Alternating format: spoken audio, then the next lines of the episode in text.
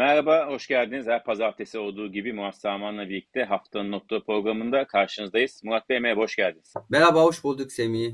İyi haftalar, teşekkürler. Sağ olun size de Murat Bey. Geçen hafta bomba gibi bir gelişme oldu. Merkez Bankası çok yüksek bir faiz artışı, beklentinin çok ötesinde bir faiz artışı yaptı. 700, 750 bas puanlık ve %25'e çekti. Piyasa yeniden denge alıyor. Borsa, döviz kurları ne olacak, altın neye gidecek, yani hepsi yeniden piyasa yeniden şekilleniyor. Bu beklenmedik hamle sonrası. Ve tabii bu hamlenin gelip gelmeyeceği de çok merak ediyor. Bunların hepsini konuşacağız. Küresel piyasalarda önemli gelişmeler var. Bunları da konuşacağız. Ama istiyorsanız önce borsaya başlayalım. Çünkü e, borsa da yükseliş dinmiyor. Faiz artıyor yükseliyor. Faiz çok arttırılmıyor yine yükseliyor.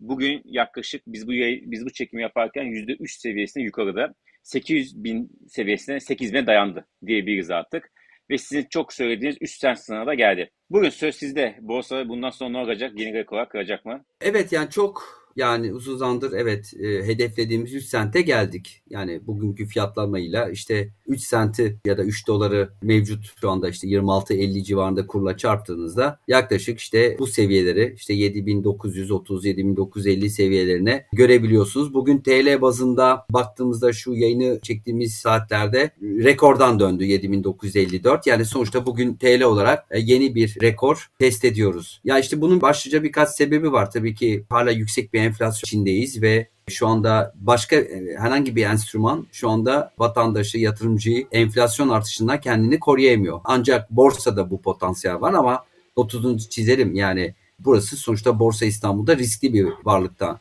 varlıklardan oluşuyor. Yani evet şu anda kazançlar mevcut ama kayıplar da olabilir. Onu da şimdiden uyaralım. 8 bin civarı çok önemli bir direnç. Dediğim gibi buralarda biraz zorlanabiliriz. Biraz yabancı girişi lazım. Burada tabii yabancı girişi de olabilir. Onu konuşacağız. Özellikle bu jumbo faiz artışı diyorum ben adını öyle verdim. Bu yüksek jumbo faiz artışından sonra hani rasyonel bahsedilen rasyonel politikaların dönüşü ve devamı gibi algılanacaktır belki de. Yani yeni bir taze para girmesiyle daha üst seviyelere de gidebiliriz. Çünkü dediğim gibi mevduatlar hala enflasyonun altında. Bu KKM haberi sonrası ve faiz artışı sonrası mevduatlar yani benim duyduğum en yüksek işte 34-35'lerde hala düşük.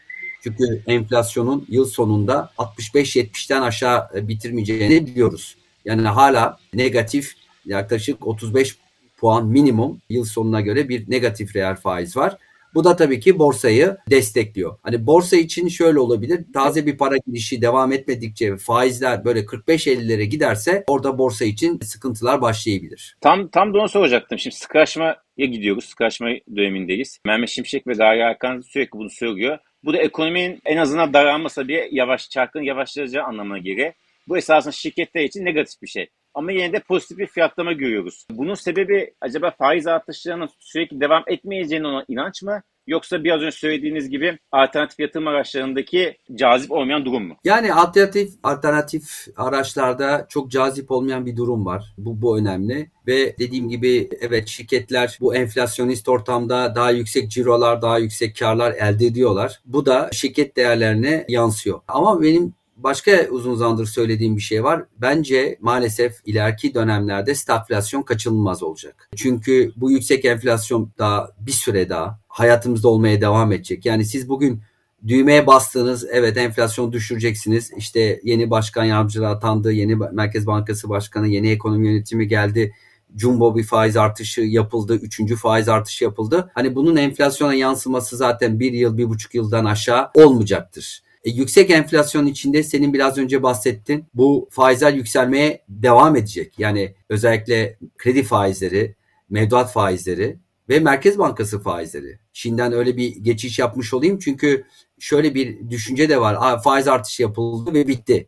E, ben öyle bir şey beklemiyorum. Evet belki de 750 bas puanlık bir faiz artışı artık bundan sonra çok zor, kolay gözükmüyor. Bu bir kerelik yüksek bir faiz artışı önden yüklemeli diyoruz buna. Ama benim fikrim e, muhtemelen 250 bas puan artışlar devam edecektir diye görüyorum. Yani 4 toplantı kaldı yıl sonuna kadar. Benim beklentim hani 250 bas puandan işte faizlerin 35'e gelebileceği. 35 de gelecek sene enflasyon beklentisi biliyorsun 33 Merkez Bankası'nın. 35 yeterli olabilir mi? Evet tam yeterli olmayacaktır. Çünkü enflasyon çok daha yüksek olacaktır ama en azından beklentiyi yönetmek için bir adım atılmış olacak.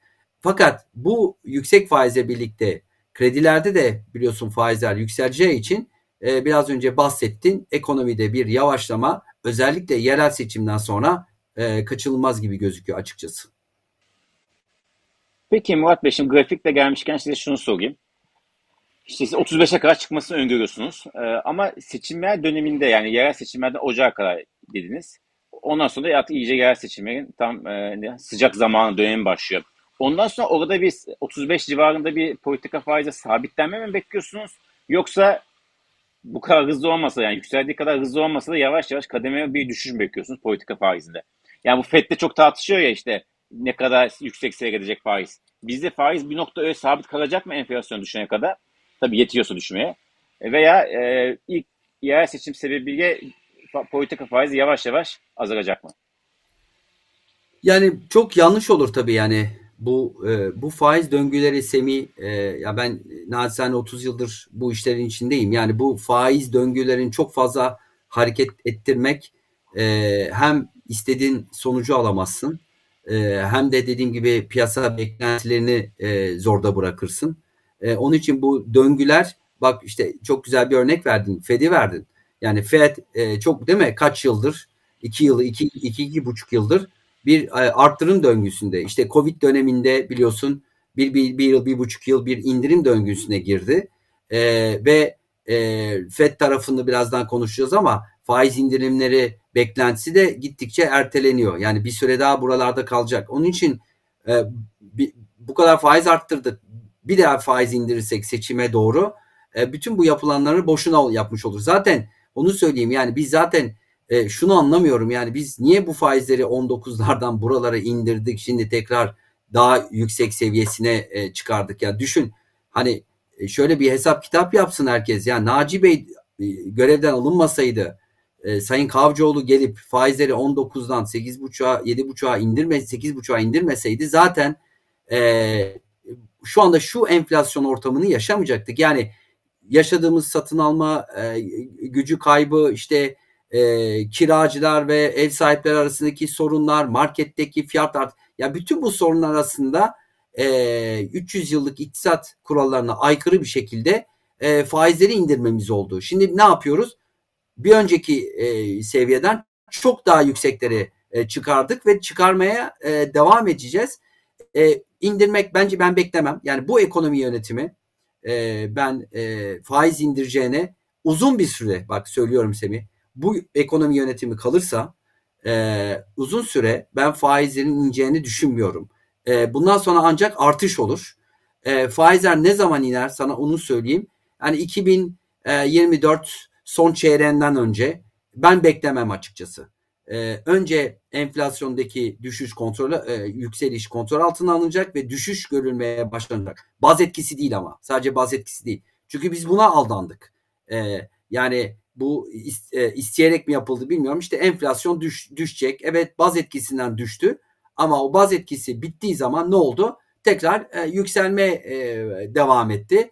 Rekor artışlar geldi. Özellikle bu tür mevsim e, dönemlerinde bu kadar yüksek artış gelmezdi. E, maalesef Ağustos enflasyonu da bayağı yüksek gelecek. E, enflasyonu da herhalde yıl sonunda %70'e falan götürecek. Onu söyleyeyim. Evet, e, genel beklenti o yönde dediğiniz gibi. Peki buradan döviz piyasasına geri. Faiz kararının en sert oynaklık yarattığı alan döviz piyasası oldu. E, çok hızlı düştü. Sonra bir gün sonra toparlandı. Yani Perşembe karardan sonra çok sert bir düşüş gerçekleşti. Cuma günü ise biraz toparlandı. Bugün ise sakin seyrediyor döviz piyasaları. E, buradaki kritik, özellikle dolar kurunda kritik seviye sizce ne, neye takip etmeliyiz? Hangi seviye? Evet. Enflasyon konuşurken son bir not JP Morgan 57'den 62'ye revize etti yıl sonu. 70'lerde de pik bekliyor. Yani aslında biraz da piyasayı da e, özetlemiş oluyor. Ya kur tarafında tabii ki yani biliyorsun Semi biraz da e, işte Merkez Bankası da 1 milyar dolar sattı gibi e, sen de belki de okumuşsundur, duymuşsundur. Yani Merkez Bankası aynı zamanda da döviz sattı e, diye haberler var e, işte kur e, indi 25 e, seviyelerine yaklaştı ve oradan tekrar işte 26,5 seviyelerine geldi. Benim kurdaki beklentimde paylaşayım. Ben açıkçası yani şu 1-2 ay çok büyük bir hareket beklemiyorum. Yani hani göreceği tepe noktası 27,5 olabilir. İşte aşağılar zaten artık belli. 25-25,5 seviyeleri. Çok da beklemem oraları. Bence biraz daha sakin e, bir e, şeyde kalacağız. Yani e, işte 26-27,5 bandı gibi. E, ben üstünü en azından şu iki ay döneminde açıkçası çok beklemiyorum. Sakin bir döviz piyasası bekliyorum. Gelecek bir iki ay içerisinde. Sakin.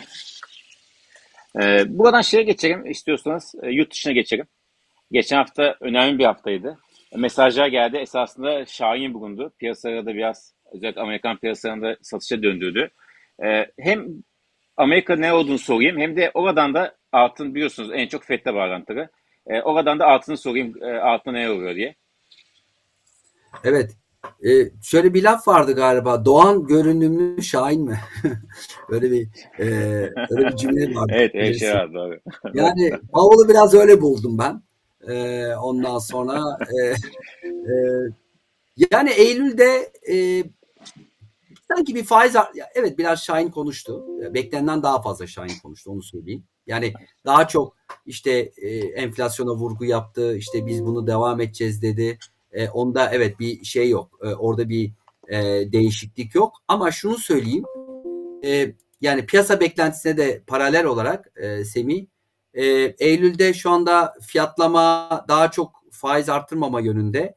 E, şöyle bir şey yapabileceğini düşünüyorum. Eylül'de ben hala pas geç yani biliyorsun piyasada bölündü. Arttıracak diyenler var. işte pas geçecek diyenler var. Ben pas geçeceğini düşünüyorum. Ama faiz arttırım döngüsünün sonlanmayacağını düşünüyorum. Yani Eylül'de pas geçip Ekim sonunda da gerekirse bir faiz artırımda son olarak yapabilir. Yani yaparsa zaten bir tane daha yaparlar.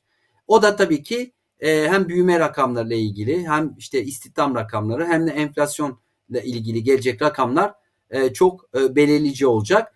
E, Powell'ın konuşmasından başka bir şey daha görüyoruz. Faiz indirimleri e, beklentileri öteleniyor gittikçe. E, hani bu sene sonundan başladı. Bu, bu sene sonunda ilk başta başlanıyor. Sonra ilk çeyrek, ikinci çeyrek. Şimdi muhtemelen ilk faiz indirimi gelecek senenin e, ikinci yarısından itibaren göreceğiz. Yani bir örnek olsun aslında FED görüyorsun döngüler hemen pat diye değişmiyor. E, umarım bizde de böyle olur. Ve şunu da görüyoruz değil mi Murat Bey? Enflasyon konusunda hiç taviz yok. Yani yok. enflasyon düşene kadar gerekirse yani daha düşük büyümeyi, borsaların işte değer kaybetmesi falan bunu hiç önemsemiyorlar. Enflasyon evet. düşene kadar ana politika devam ediyor. Değişmiyor. Merkez Bankası'nın zaten temel amacı o. Yani e, enflasyon yani aslında tek tek asıl amacı o. İşte FED'de biliyorsun biraz daha değişik diğer merkez bank. Onlarda da biliyorsun bir istihdam ve büyüme hedefi dual mandate diyorlar. Yani ikili e, görev gibi, ikili hedef gibi diyorlar.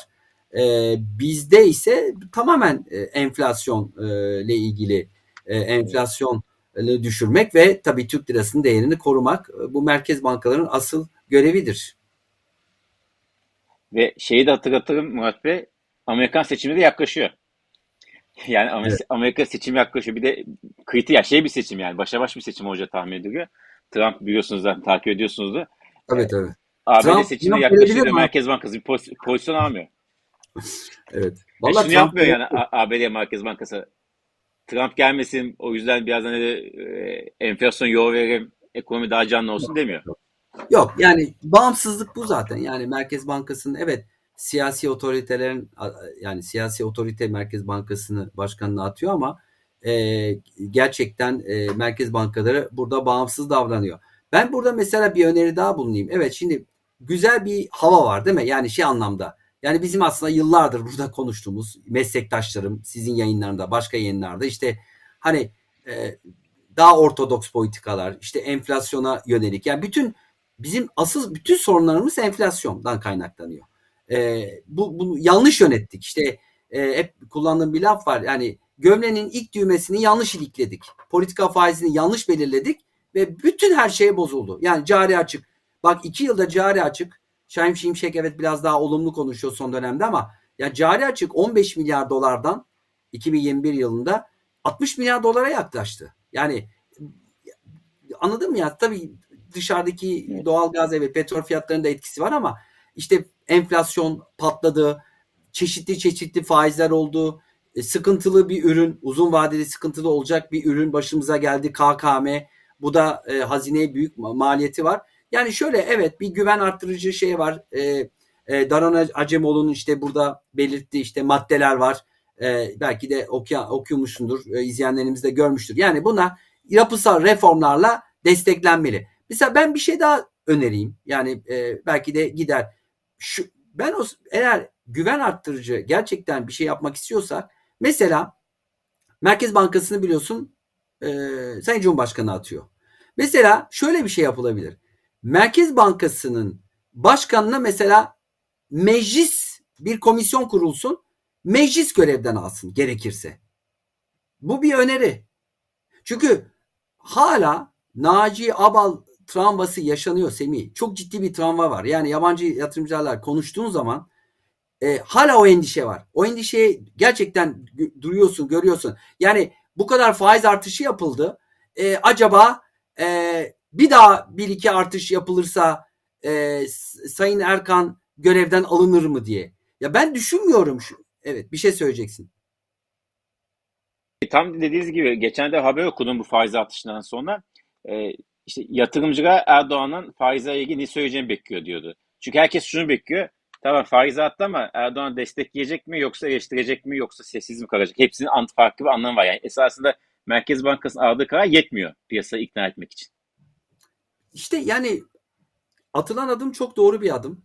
Zaten hep söyle, önden yüklemeli, e, enflasyonla mücadelenin e, yapıldığını, üç yeni başkan itibarlı gelen üç başkan yardımcının itibarını arttırdı bunlar. Yani tabii ki bu başkan yardımcının bir etkisi oldu muhtemelen.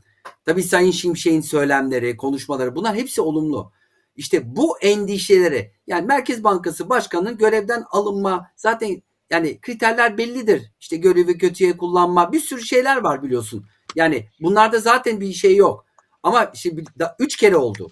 Yani üç kere Merkez Bankası Başkanı bu ülkede görevden alındı ve sadece bir tanesini resmi olarak sebebini biliyoruz.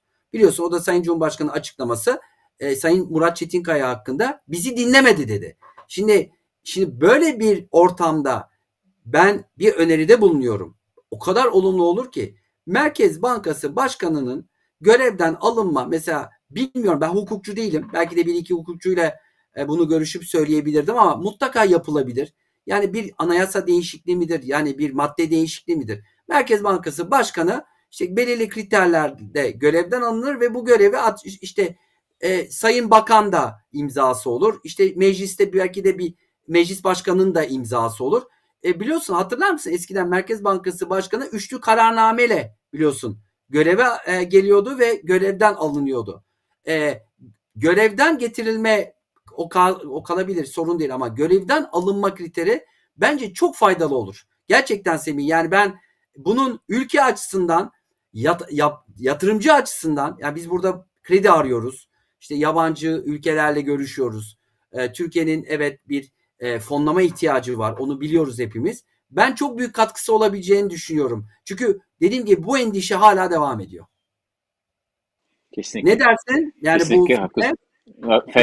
Evet güzel fikir. Fena, fena fikirdi. Ee, bakalım e, karşı bulacak mı? siz muhtemelen bulmayacak ama olsun. Bakalım. En azından siz do- doğruyu söylediniz. Yapan yapar yapmaya kendini. Ben, yani biz fikrimizi söylüyoruz. Yani e, evet. ulaşacağını düşünüyorum. E, e, bence çok olumlu olur. Yani bu endişeler ortadan kalkar. Tabii ki Sayın Cumhurbaşkanı yine o kararda etkisi olacaktır ama hani karar Zaten... bir kişi değil bir, birkaç bir konsorsiyum gibi yani bir işte birkaç kişiyle beraber gibi bir şey çizilebilir. Evet söyleyecektim. Evet. Zaten şu anda meclisin çoğunluğu falan da yani Cumhur İttifakı'nda olduğu için şu an için zaten 3 aşağı 5 yukarı. Ama dediğiniz şey çok haklı. Ee, yani işleyiş bakımından yani bugünün konu denklemine göre değil ama genel olarak bir perspektif çizme konusunda haklısınız. Peki şimdi zamanımız doğdu Murat Bey. Kısaca bir altın yorum rica edeyim sizden. Altını ne bekliyorsunuz? Ondan sonra haftanın önemli başlıklarını konuşacağız. Öne çıkan başlıklarını. Altın konusunda tabii e, piyasalar e, biliyorsun e, Powell'ın e, konuşmalarını e, bekledi. E, yani şunu söyleyeyim e, yani işte 1900'ün altına sarkmıştı biliyorsun altın. 1884'ü görmüştü. Ee, tekrar şu anda 1900'ün üstüne attı. 1915 seviyelerindeyiz. Yani 1900'ün üstünde kaldığı sürece e, bence hani biraz dinlense bile bu faiz döngüsü tamamlandığı an e, bence altındaki e, yükseliş e, başlayacaktır diye düşünüyorum. E, en az 2000'in üstünde açıkçası bekliyorum. 1900 çok önemli bir destek olmaya devam edecektir bu arada.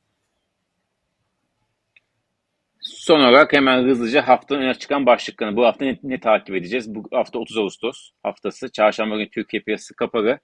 Ee, şimdiden de 30 Ağustos Zafer Bayramı'nı kutluyorum. Ee, önemli bir bayramımızdı. Ee, 100. Cumhuriyetimizin 100. yılında e, kutladığımız bir 30 Ağustos var. Çarşamba günü. Ee, evet. Ben, ben de bu arada evet e, Zafer Bayramımızı kutluyorum. 100. yıl çok önemli. Ee, başta e, Mustafa Kemal Atatürk ve silah arkadaşlarına minnetle ve e, rahmetle saygılarla da anıyoruz. Onu da burada e, belirtelim. E, 30 Zafer Bayramı'nı kutluyorum tekrardan. Diyelim ve öne çıkan başlıklara e, bakalım. Şimdi arkadaşlar tabloyu ekrana verecek Murat Bey. E, yani bu hafta şey anlamında geçen haftaki kadar e, yani e, şey değil, e, yoğun değil. Çünkü geçen hafta biliyorsun hem PPK vardı hem de e, Powell'ın e, konuşması vardı.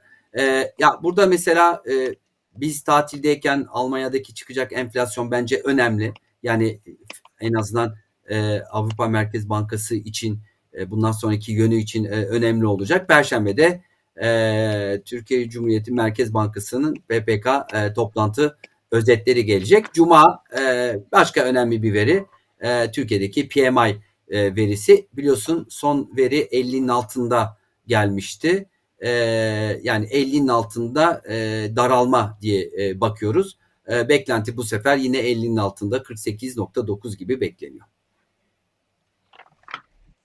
Evet. Çok teşekkür ederiz Murat Bey. Çok sağ olun. Artık Ağustos'un e, son programını yaptık. Ağustos yazı bitirdik takvim olarak en azından. Hava sıcak olmak olarak devam etse de. E, bundan sonra Eylül ayında artık sonbaharla birlikte bakalım ekonomide ne olacak. Yaz e, nispeten Türkiye için avantajlı bir dönemdi. E, biraz daha zor bir döneme girdiğimizi düşünüyoruz. Hepsini değerlendiriyor olacağız. Evet. Doğru. Haftaya çok kadar dikkatli olmamız lazım. Özellikle Ekim ayında. Kendinize çok iyi bakın. Çok teşekkürler. Çok teşekkür ederim.